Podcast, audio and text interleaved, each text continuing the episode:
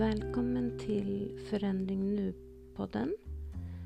I den här podcasten så ger jag kvinnor som utsatts för våld, ger dem en röst. Jag kämpar för att samhället ska se oss, se hur många vi är tyvärr. Jag vill också att skammen och skulden ska bäras av förövarna, inte av offren. Om ni inte redan lyssnat på säsong 1 och 2 så gå gärna in och lyssna på dem också. De finns i många podcastappar, precis som det här avsnittet.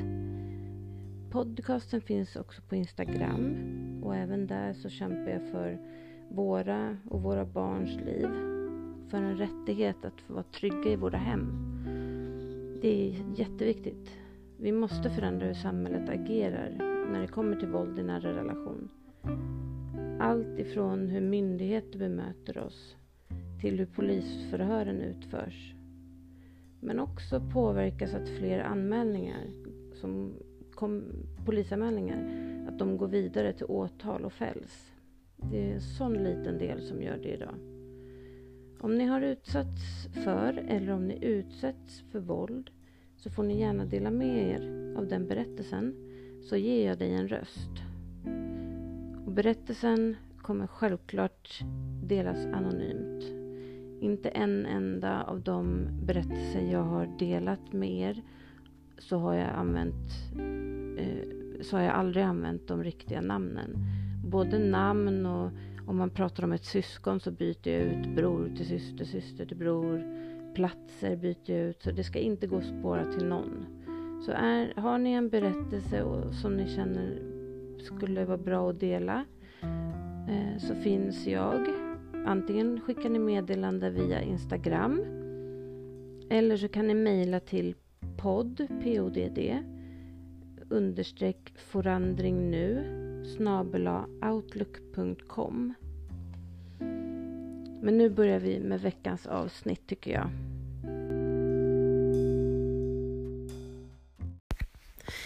I det här avsnittet så kommer jag att prata om gaslighting. Det är ett beteende som speciellt narcissister använder mot sin partner och det är klassat som psykiskt våld.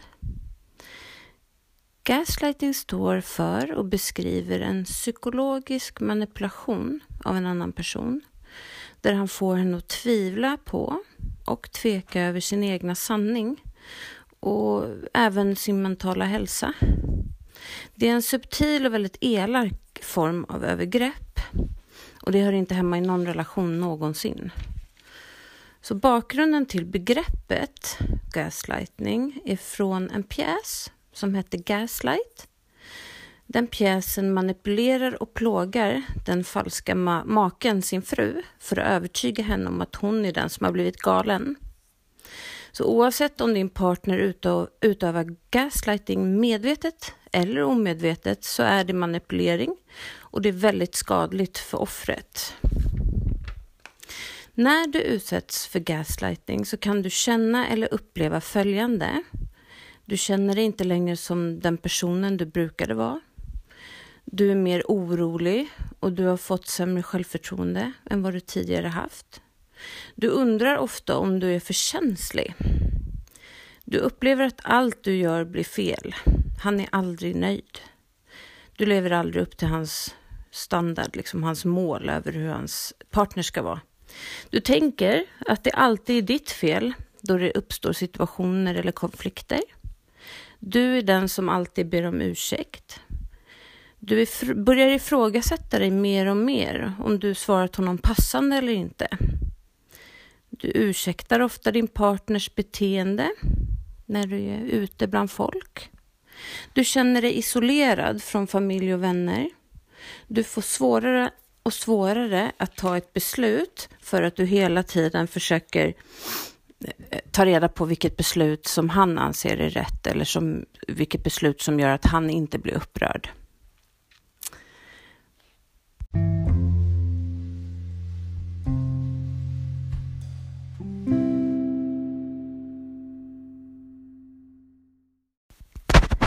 Gaslighting är då din partner hävdar bestämt att du ljuger, att du överdriver, att din extrema känslighet är det som orsakar problem i er relation.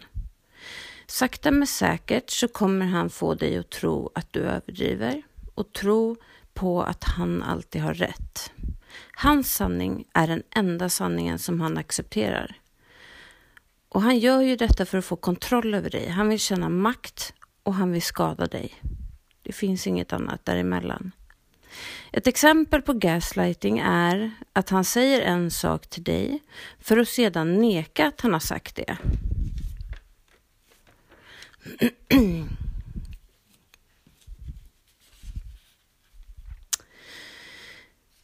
Han kan gömma saker för dig och sen förneka att han vet var de finns.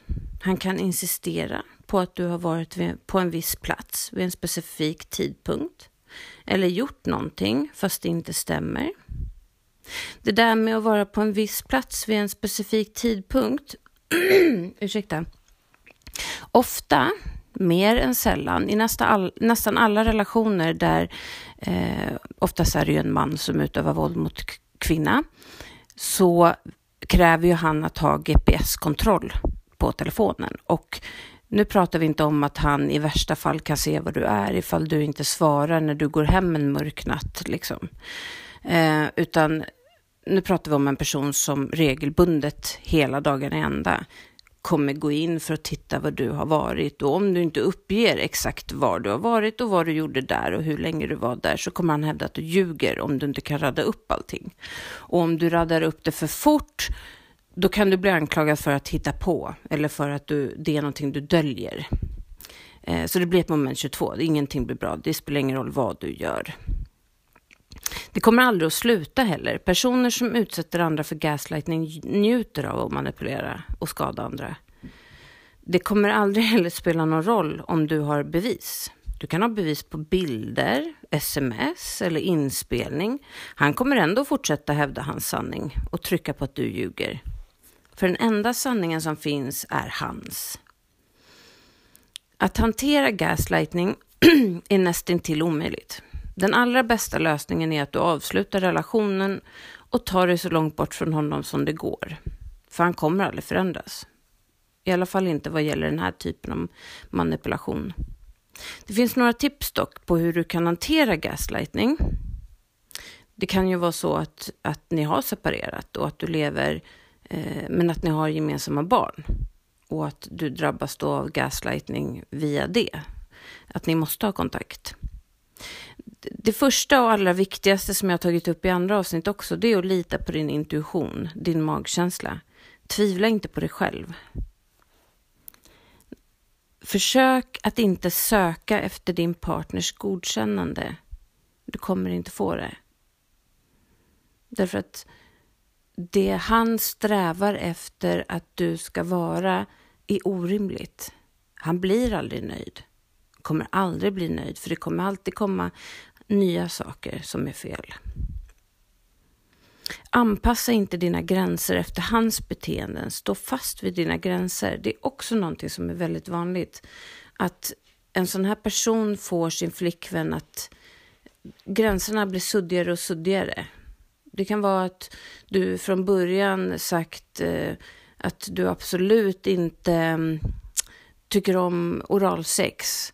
Men då blir han förbannad och gör en grej av det, vilket jag, betyder att du kanske till slut bestämmer dig för okej, okay, jag kan vid några tillfällen. Men det räcker inte heller, det duger inte, då är det för sällan. Och så fortsätter det flyttas, fast det är någonting som du absolut inte ville du kanske har blivit överfallen eller övergrepp eller vad som helst. Det får dig att känna dig obekväm och han kommer ändå aldrig vara nöjd. Även om du skulle liksom ge honom det han vill ha varenda dag så kommer han inte bli nöjd. För då kommer det finnas en annan sak. Eller då kommer han hävda att du gör det bara för att han tjatade och det är inte okej. Okay. Alltså, ingenting du gör i, i de här lägena kommer att vara tillräckligt bra för honom. Försök att inte ändra på dina gränser. Det är jätteviktigt att du håller fast vid dem. Annars kan du tappa bort dig själv. Ursäkta, jag är lite förkyld. Vid gaslighting så använder han allt möjligt som du berättat för honom eller som han vet om dig. Allt används emot dig. Han kan säga saker som till exempel, du bara ljuger om allt. Du har säkert ljugit om din uppväxt också. Eller, jag förstår att ditt ex var otrogen mot dig så som du är. Om ni har barn så kommer han använda dem som spelpjäser emot dig. Han har inte möjlighet att känna empati och kommer därför inte ha några gränser för vad han säger eller gör mot dig. Han fungerar inte som inom situationstecken den normala människan gör. Han kommer att attackera dig. Han kommer att attackera själva kärnan i dig, det som är du. Han strävar efter att bryta ner dig totalt för att få full kontroll över dig och forma dig utefter vad han tycker att du ska vara. Det knepiga med gaslighting är att det är psykiskt våld. Det är en manipulation som sker gradvis under en lång tid. Det, det är inte så att du träffar någon och pang bom så, så blir du utsatt för gaslighting. Oftast är det ju lovebombing först och sen kommer vi in i den här perioden där han, oftast är det en man, där han då utövar eh, det, eh, det här är ett av beteendena som han utövar när han börjar känna sig mer avslappnad med att han faktiskt har snärjat dig. Det är också svårt att se eh, att gaslighting sätter igång eller så för att det finns ingen början på det utan det har liksom gradvis byggts upp. Så det är lätt att, att följa med i det för att det är inte så stora förändringar från dag till dag. Men om man skulle beskriva från, från början och sen hela tiden beskriva förändringar så skulle, skulle det vara mycket, mycket tydligare för hur mycket som egentligen har, har förändrats för dig. Och det är väldigt, som sagt, svårt att se och förstå innan man blivit så nedbruten att man, inte, man har svårt att lämna.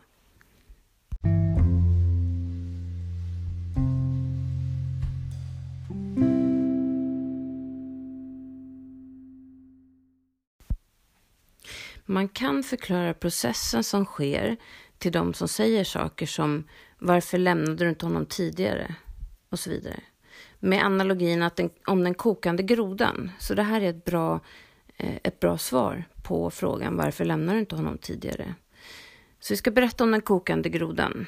Om man tar en groda och stoppar den i en kastrull med, med kokande vatten, då hoppar den ut direkt. Den försöker ta sig därifrån, för den vet ju att om du, du dör. Men om du stoppar ner grodan i kallt vatten och långsamt kokar upp vattnet så kommer den stanna kvar där och till slut dö. För grodan känner inte förändringen, så han kan inte förstå faran. Och det är en bra metafor för oförmågan oförmågan, heter det, att se hot eller skadliga situationer för att de sker under en lång period. Om man blir så pass nedbruten och hjärntvättad att eh, det blir vardag.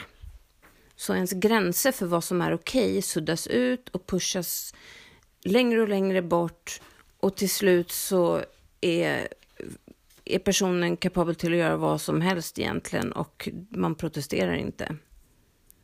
Något som också gör offret förvirrat är att hans ord, mannens och förövarens ord, matchar inte hans handlingar. Det som han säger är bara ord och det som han gör är problemet. Han kommer att trycka ner dig, han kommer bryta ner dig bit för bit.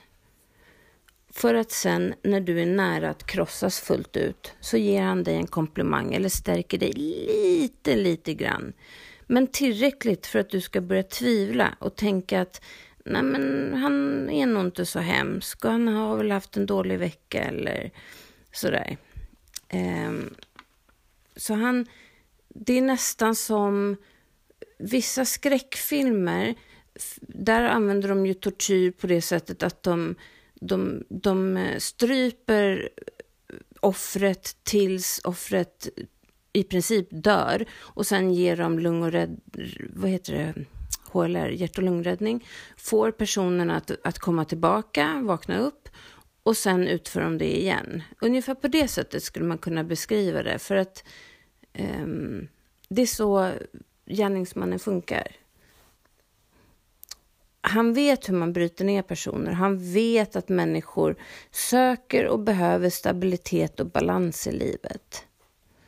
Hans mål med gaslightingen är att skaka om och ta bort all trygghet och stabilitet och få dig att konstant ifrågasätta allt.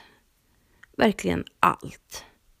Människor har i sin natur att söka stöd eller hjälp hos en person som då får dig återigen känna lugn och stabilitet och så vidare. Och i detta fall så är det ju han. Han som också orsakat att du blivit nedbruten. För alla dina vänner och bekanta har ju han isolerat dig ifrån. Så du har inga andra att vända dig till. Ofta är personer som använder sig av gaslightning missbrukare av droger eller alkohol. Eller så är de otrogna. Men trots att han är den som gör det här så kommer han anklaga dig för att vara otrogen eller missbruka. Detta kommer han göra så ofta så till slut börjar du försvara dig och blundar för det han utsätter dig för. Men du har ingenting att försvara dig för. Men du är i en sådan situation att det är inte logiskt någonting som sker. Och det är lätt för människor utanför att sitta och döma eller ha åsikter kring varför lämnar du inte tidigare eller jag skulle minsann gå vid första slaget eller jag skulle aldrig tillåta att någon behandlar mig sådär. Men människor som inte har varit i den här sitsen och blivit nedbrutna på det här sättet, de kan inte förstå hur det är att leva i det och vad man gör varje dag för att överleva. Därför att i många fall går det över till fysisk misshandel och i de fallen där fysisk misshandel så är det inte långt mellan stegen vilken typ av fysisk misshandel de gör. Det kanske börjar med fasthållning, men sen börjar det med, eller sen fortsätter det ganska ganska snabbt neråt. Ehm, de långsammare stegen är de som sker fram till fysisk misshandel. Som sagt. Sen går det fort. Sparkar, slag, putta, slänga in i väggen. Eh, Ja, you name it. Det finns ju hur många olika.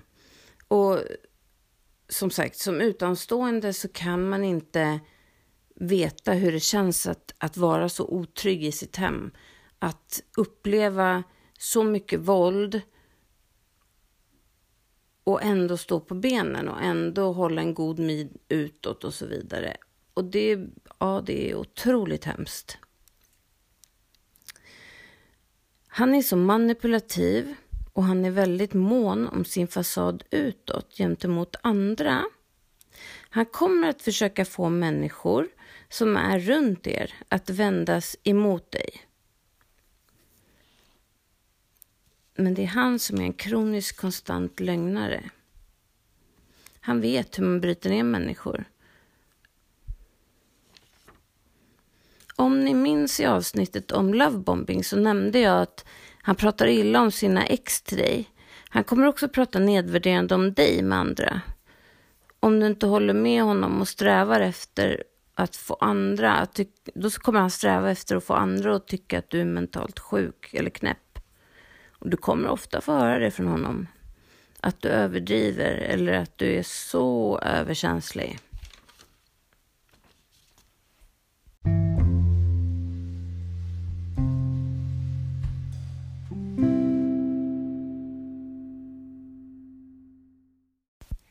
Det är absolut inte bara i parrelationer som gaslightning sker, utan det kan ske i alla möjliga olika relationer som finns på arbetet, av föräldrar, vänner och så vidare. Ett exempel är på gaslightning är i en parrelation då han flörtar med tjejer framför dig. Och när du tar upp det här med honom så hävdar han att det är de som flörtar med honom och att han bara var artig. Återigen så vill jag betona frasen du är så känslig eller du ska alltid överdriva. Det är något som han kommer att säga till dig.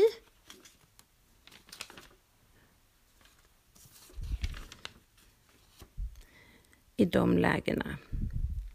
Teknikerna som han kommer använda sig av är att han kommer undanhålla saker från dig. Men han ska veta allting om dig. Ursäkta att det låter i mina katter. Han kommer ifrågasätta ditt minne. Han kommer ändra ämne eller ifrågasätta hur du tänker så fort det inte passar honom att prata om det ni pratar om. Han trivialiserar dina känslor och behov. Han förnekar eller hävdar att han har glömt saker. Det vill säga, han tar inte ansvar för att han inte dök upp på eh, ett läkarbesök för era barn. Eller han eh, kommer aldrig erkänna att eh, det var riktigt illa att han missade att hämta barnen på förskolan så du fick lämna jobbet fast du egentligen skulle jobbat över. Um, aldrig, från små saker till stora saker. Du kommer antagligen aldrig höra honom ta på sig ansvaret eller skulden för någonting. För de är inte kapabla till att göra det. Så vad ska du tänka mer på då om du utsätts för gaslightning? Det första är att identifiera problemet, att se det för vad det är. Ja, jag utsätts för gaslighting. Men också ge dig tillåtelse att känna det du känner. Det är superviktigt. Inte låta en annan människa diktera hur du ska känna och hur du ska tänka och liknande. Det är bara du som, som liksom ska styra över det. Och ge dig tillåtelse att offra honom. Det här är den viktigaste. Det som gör det svåraste för de, offren för gaslighting, offer för sådana relationer är att efter lovebombingen så är det större delen av alla kvinnor är upp över öronen kär.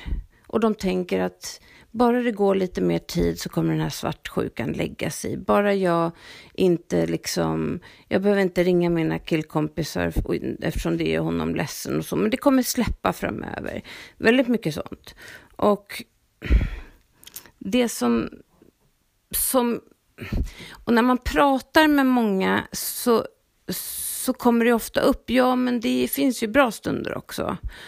Och därför så tog jag upp den här punkten, ge er tillåtelse att släppa den här personen trots att det finns bra stunder.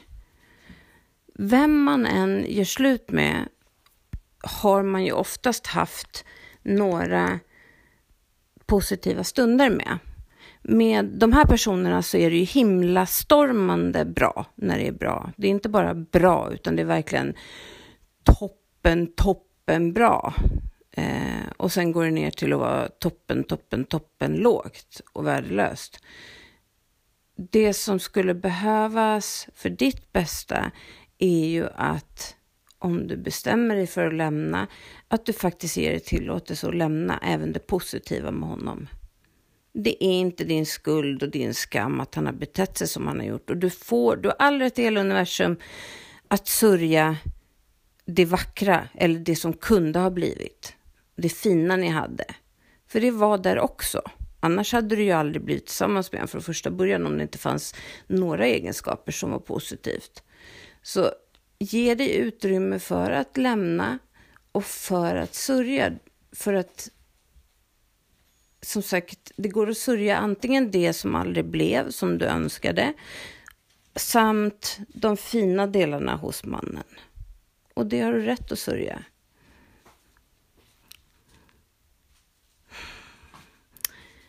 Och börja med små beslut. Ett steg i taget. Du behöver inte ta alla steg på en gång.